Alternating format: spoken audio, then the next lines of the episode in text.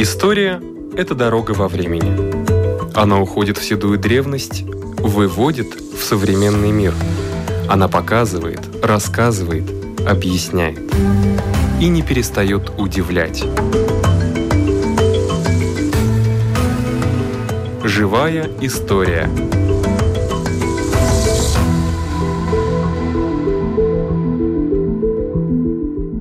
У микрофона Лидия Чера.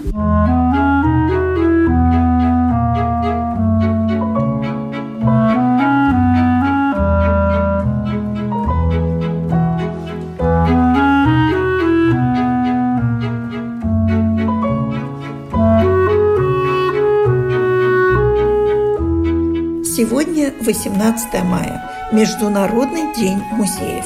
И в этот день Дом-музей Рижанина Мейнцендорфа, филиал Национального музея истории Латвии, отмечает свой день рождения. Миссия музея – сохранять и исследовать художественные ценности здания, прослеживать судьбы людей, связанных с домом, изучать быт, культуру и традиции рижан.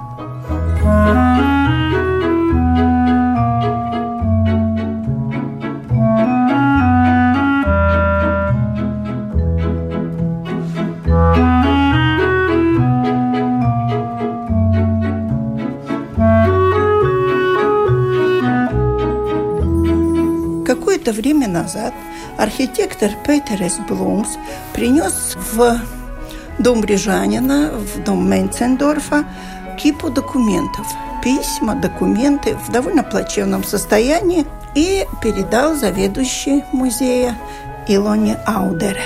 Прошло время, пока смогли разобраться с этими документами. И что же это были за документы Илона Аудере? Удивительно, что эти документы оказывались, что были письма, фотографии, квитанции. И очень интересно, что я начала читать, и там узнала, что эти документы и письма от семьи Дейбнеров.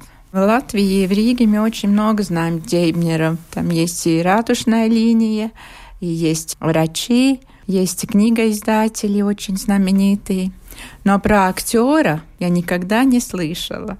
И мне проявился такой большой интерес, какая связь актеру с этими всеми знаменитыми Дейбнерами в Риге. Искала, искала, нашла. Но самое интересное, что про актера и про дом на улице Скарн 6 никто не знал. Даже предки Дейбнера не знали, что у них есть актер в семье. В конце концов, оказывается, что у нас есть в старинной Риге очень такой знаменитый дом теперь, номер 6, где жил актер, который был очень известен не только в Риге, но и в Европе вообще, и в Америке, в Португалии и даже в Бразилии.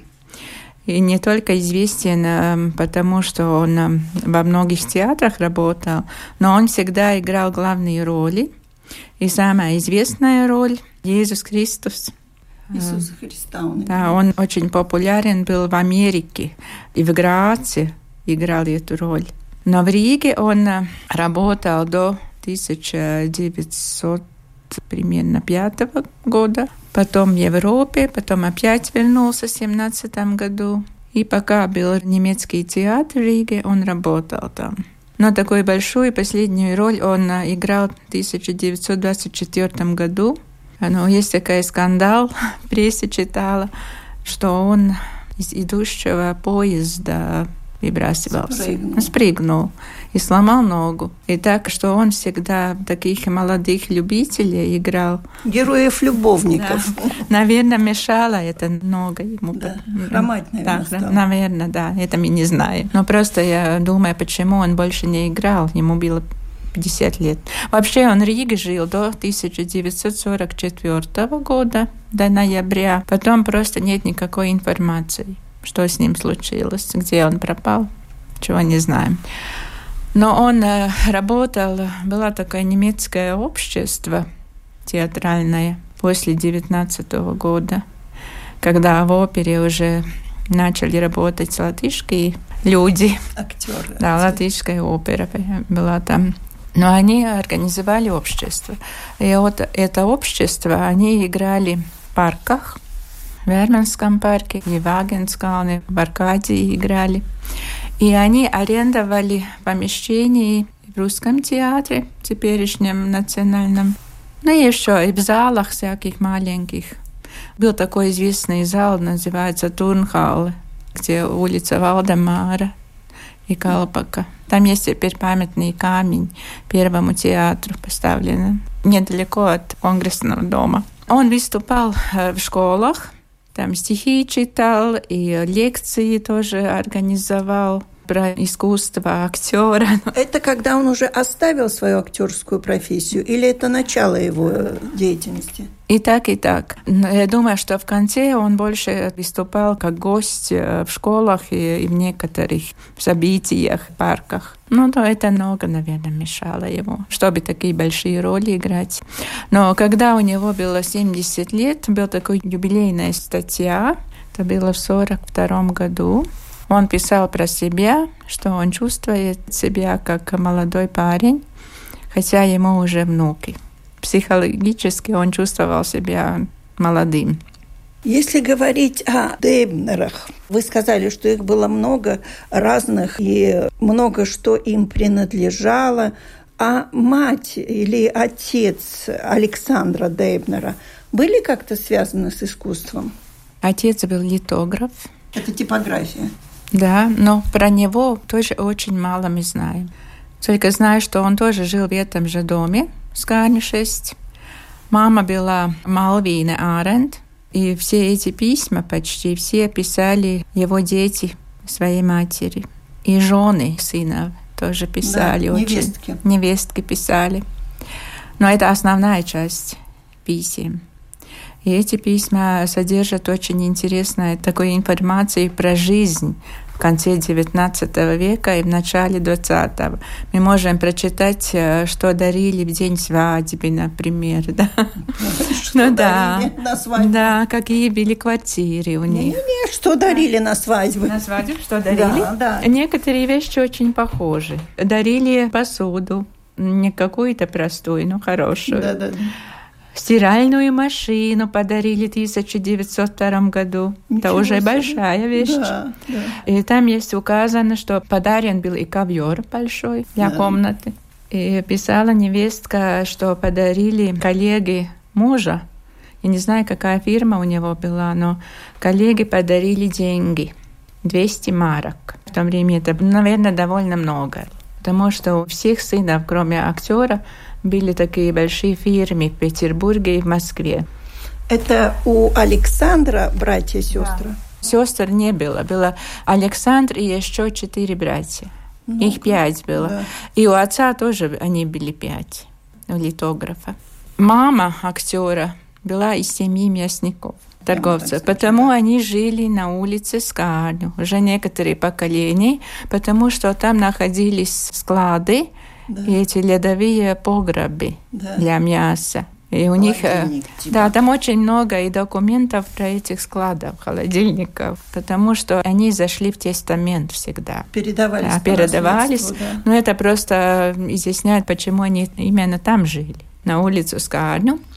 Но один брат отца актера был э, хозяином большой кондитории эта кондитория находилась там, где была улица Большая Монетная. А где это? Больше нет. Нет больше нет. такой улицы? Улица Кальтю на ну, угол. Ну, Кальтю есть, Ну, где-то да. там да, угол. Да, да.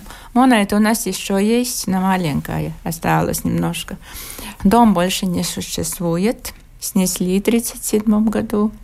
И очень много документов про этот дом, что актер хочет, чтобы этот дом оставили, потому что у этого дома очень длинная история, потому что там жил дедушка его. И я думаю, что в начале и литографийная эта мастерская отца тоже была там. Когда дом был снесен, там все, наверное, переселились на улицу Скарн.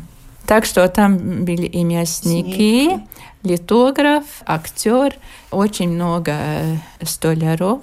Это начальное ремесло. Потому что первый деревня, который пришел в Ригу из Германии, это не так очень давно, в 1740 году. И от этого одного человека все Дейбнеры. И в Латвии, и в Германии, и в России. Даже в России. Да, потому что они очень многие работали в Петербурге, в Москве, и не только Дейбнер, вообще это было очень распространенно в конце XIX века. Я даже из своей семьи знаю, что все ехали там работать, учиться и так дальше. И некоторые там уже жили почти сто или больше лет.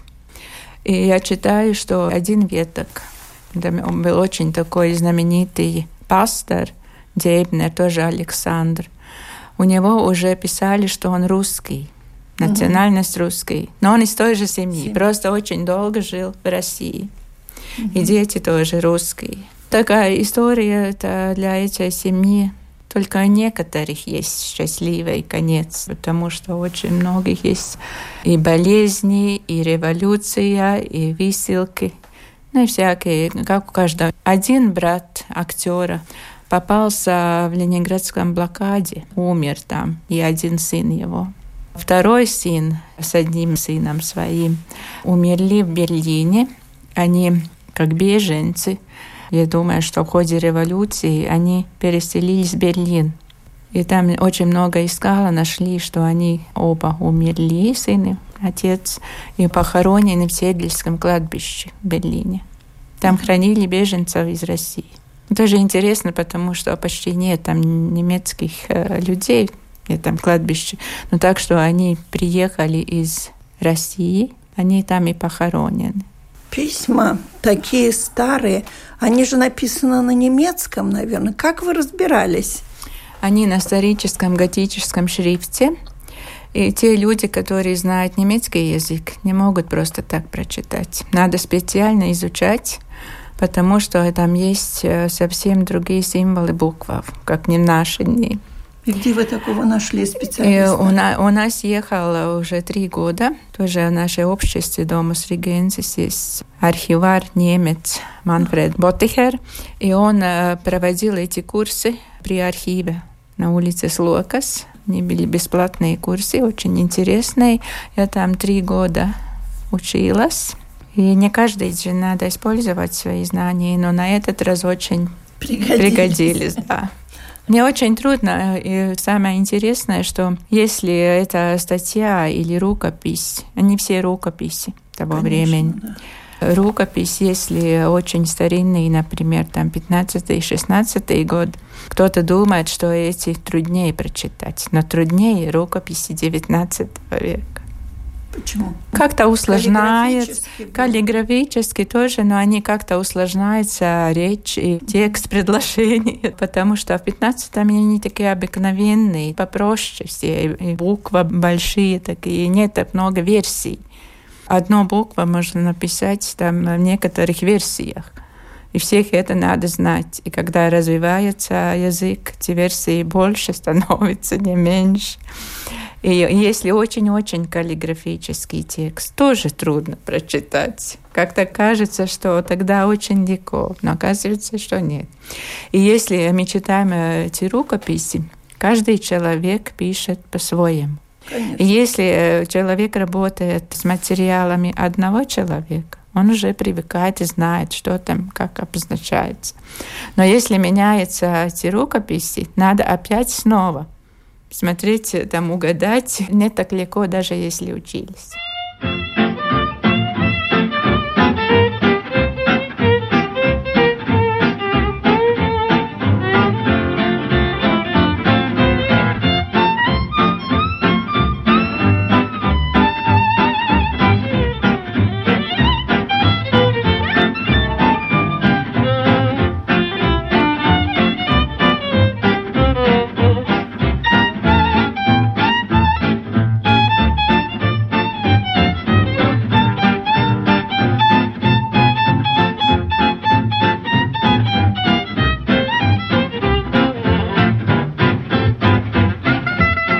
Продолжаем нашу передачу, и теперь еще об Александре Дейбнере. Он где-то учился актерскому мастерству? Раньше не было никакого высшего образования для актеров.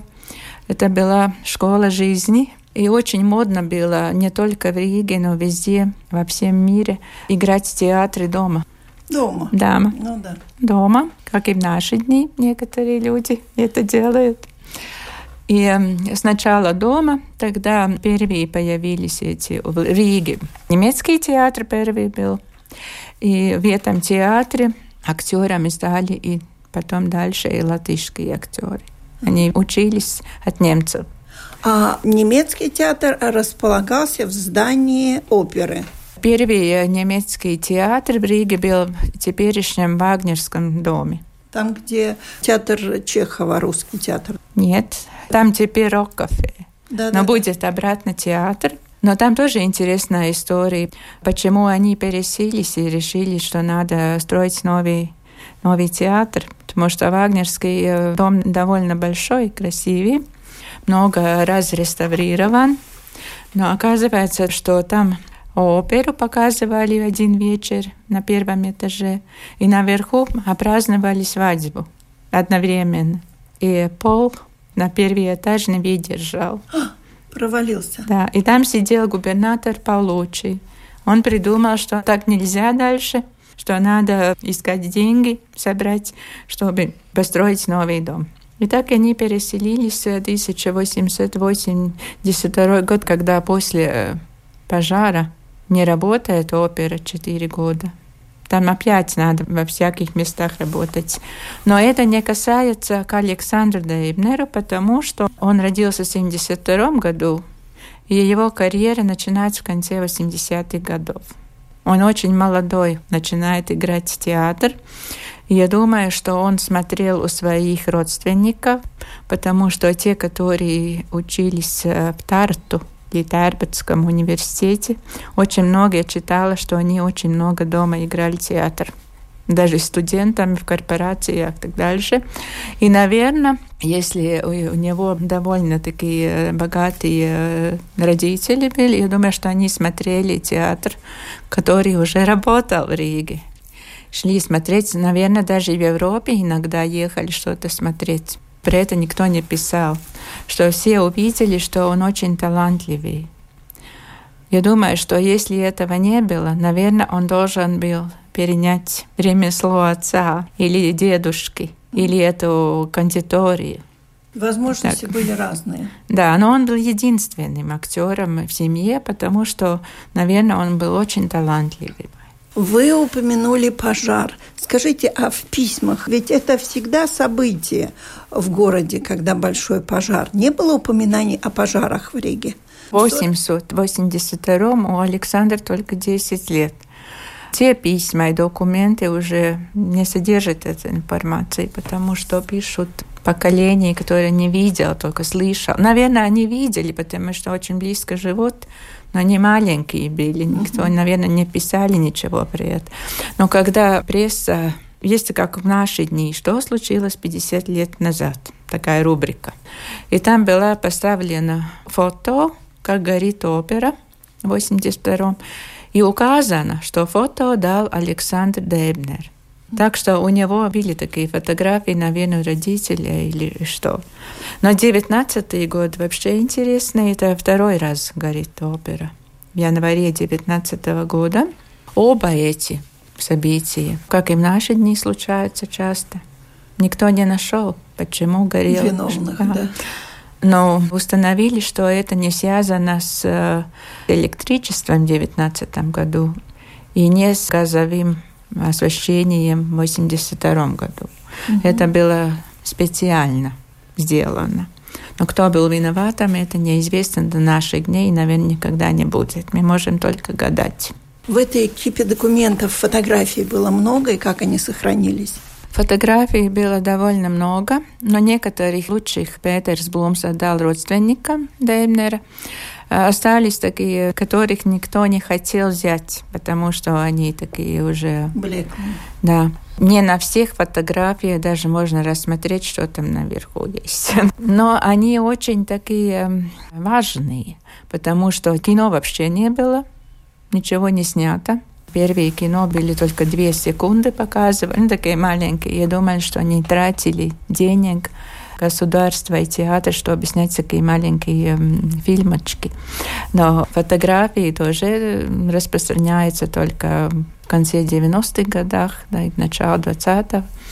И фотографии, наверное, он посылал своей матери, потом они сохранились.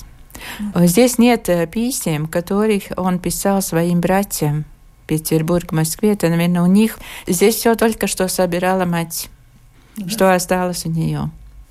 И здесь жил и актера э, сын. Он э, переписал и с сыном своим. Про сына тоже очень интересно. Я ничего не знаю, что случилось и с сыном. Потому что в 1907 году пишет из Берлина актер, что всем очень нравится маленький Александр, его сын. Он живет с Александром. Жена вообще нигде не упомянута в письмах. В одном письме есть, что Клара должна ехать в Америку. Но он берет с собой везде, где он выступает, он ездит по всей Европе и везде с сыном. Есть некоторые письма, в которых он спрашивает, чтобы мама пошила Александру новые одежды. И в 97 году он пишет, что сын должен учиться в Риге что он решил, что сын должен дальше учить. Значит, он уже начал учиться в Германии. Это нигде нет в письмах указано, но я думаю, что он родился в Берлине, сын. И там учился вначале, и потом переехал здесь у мамы актера. И он потом пишет отцу, что он учится в гимназии в Риге. Очень хорошо учится, все оценки там показаны. Ну, как табель посылает отцу. И все от этого молодого Александра больше нет ничего после школы, нет никаких не письменных документов.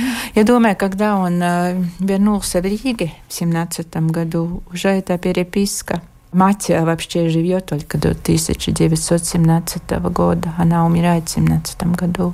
И отец его, литограф, умер в 1900 году.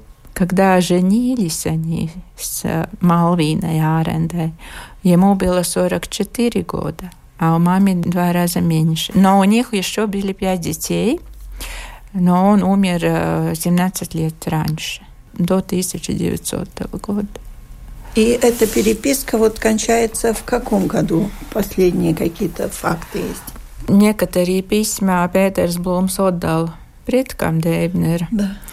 И там он говорил, когда была лекция, что там были и после 17 -го года письма. Но те, которые у меня теперь находятся, там эта переписка Последние письма где-то 1908 год. Потом только документы, там из полиции всякие вещи, скандалы. Но он Скандальный такой... актер был, нет? Я думаю, что там было то, то же самое, что в наши дни.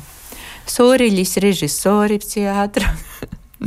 Но у него была собака. Там есть две события, которых есть. Это было больше описано в прессе, чем роли тем театральное действие да. Дейбнера, что он э, пошел в суд, не знаю, или про этот дом на улице Монету говорить. Да. Взял с собой собаку. Собака начала лаять. Поставили ему платить штраф. большой штраф. Тогда есть и такое сообщение, что он вовремя не почистил снег у дома. И штраф за это было 7 марок. Рейхсмарок, не знаю, это было много или мало. И это был уже 44 год. И эм, три сутки в тюрьме арестован. Так что все очень пытались, наверное, все сделать.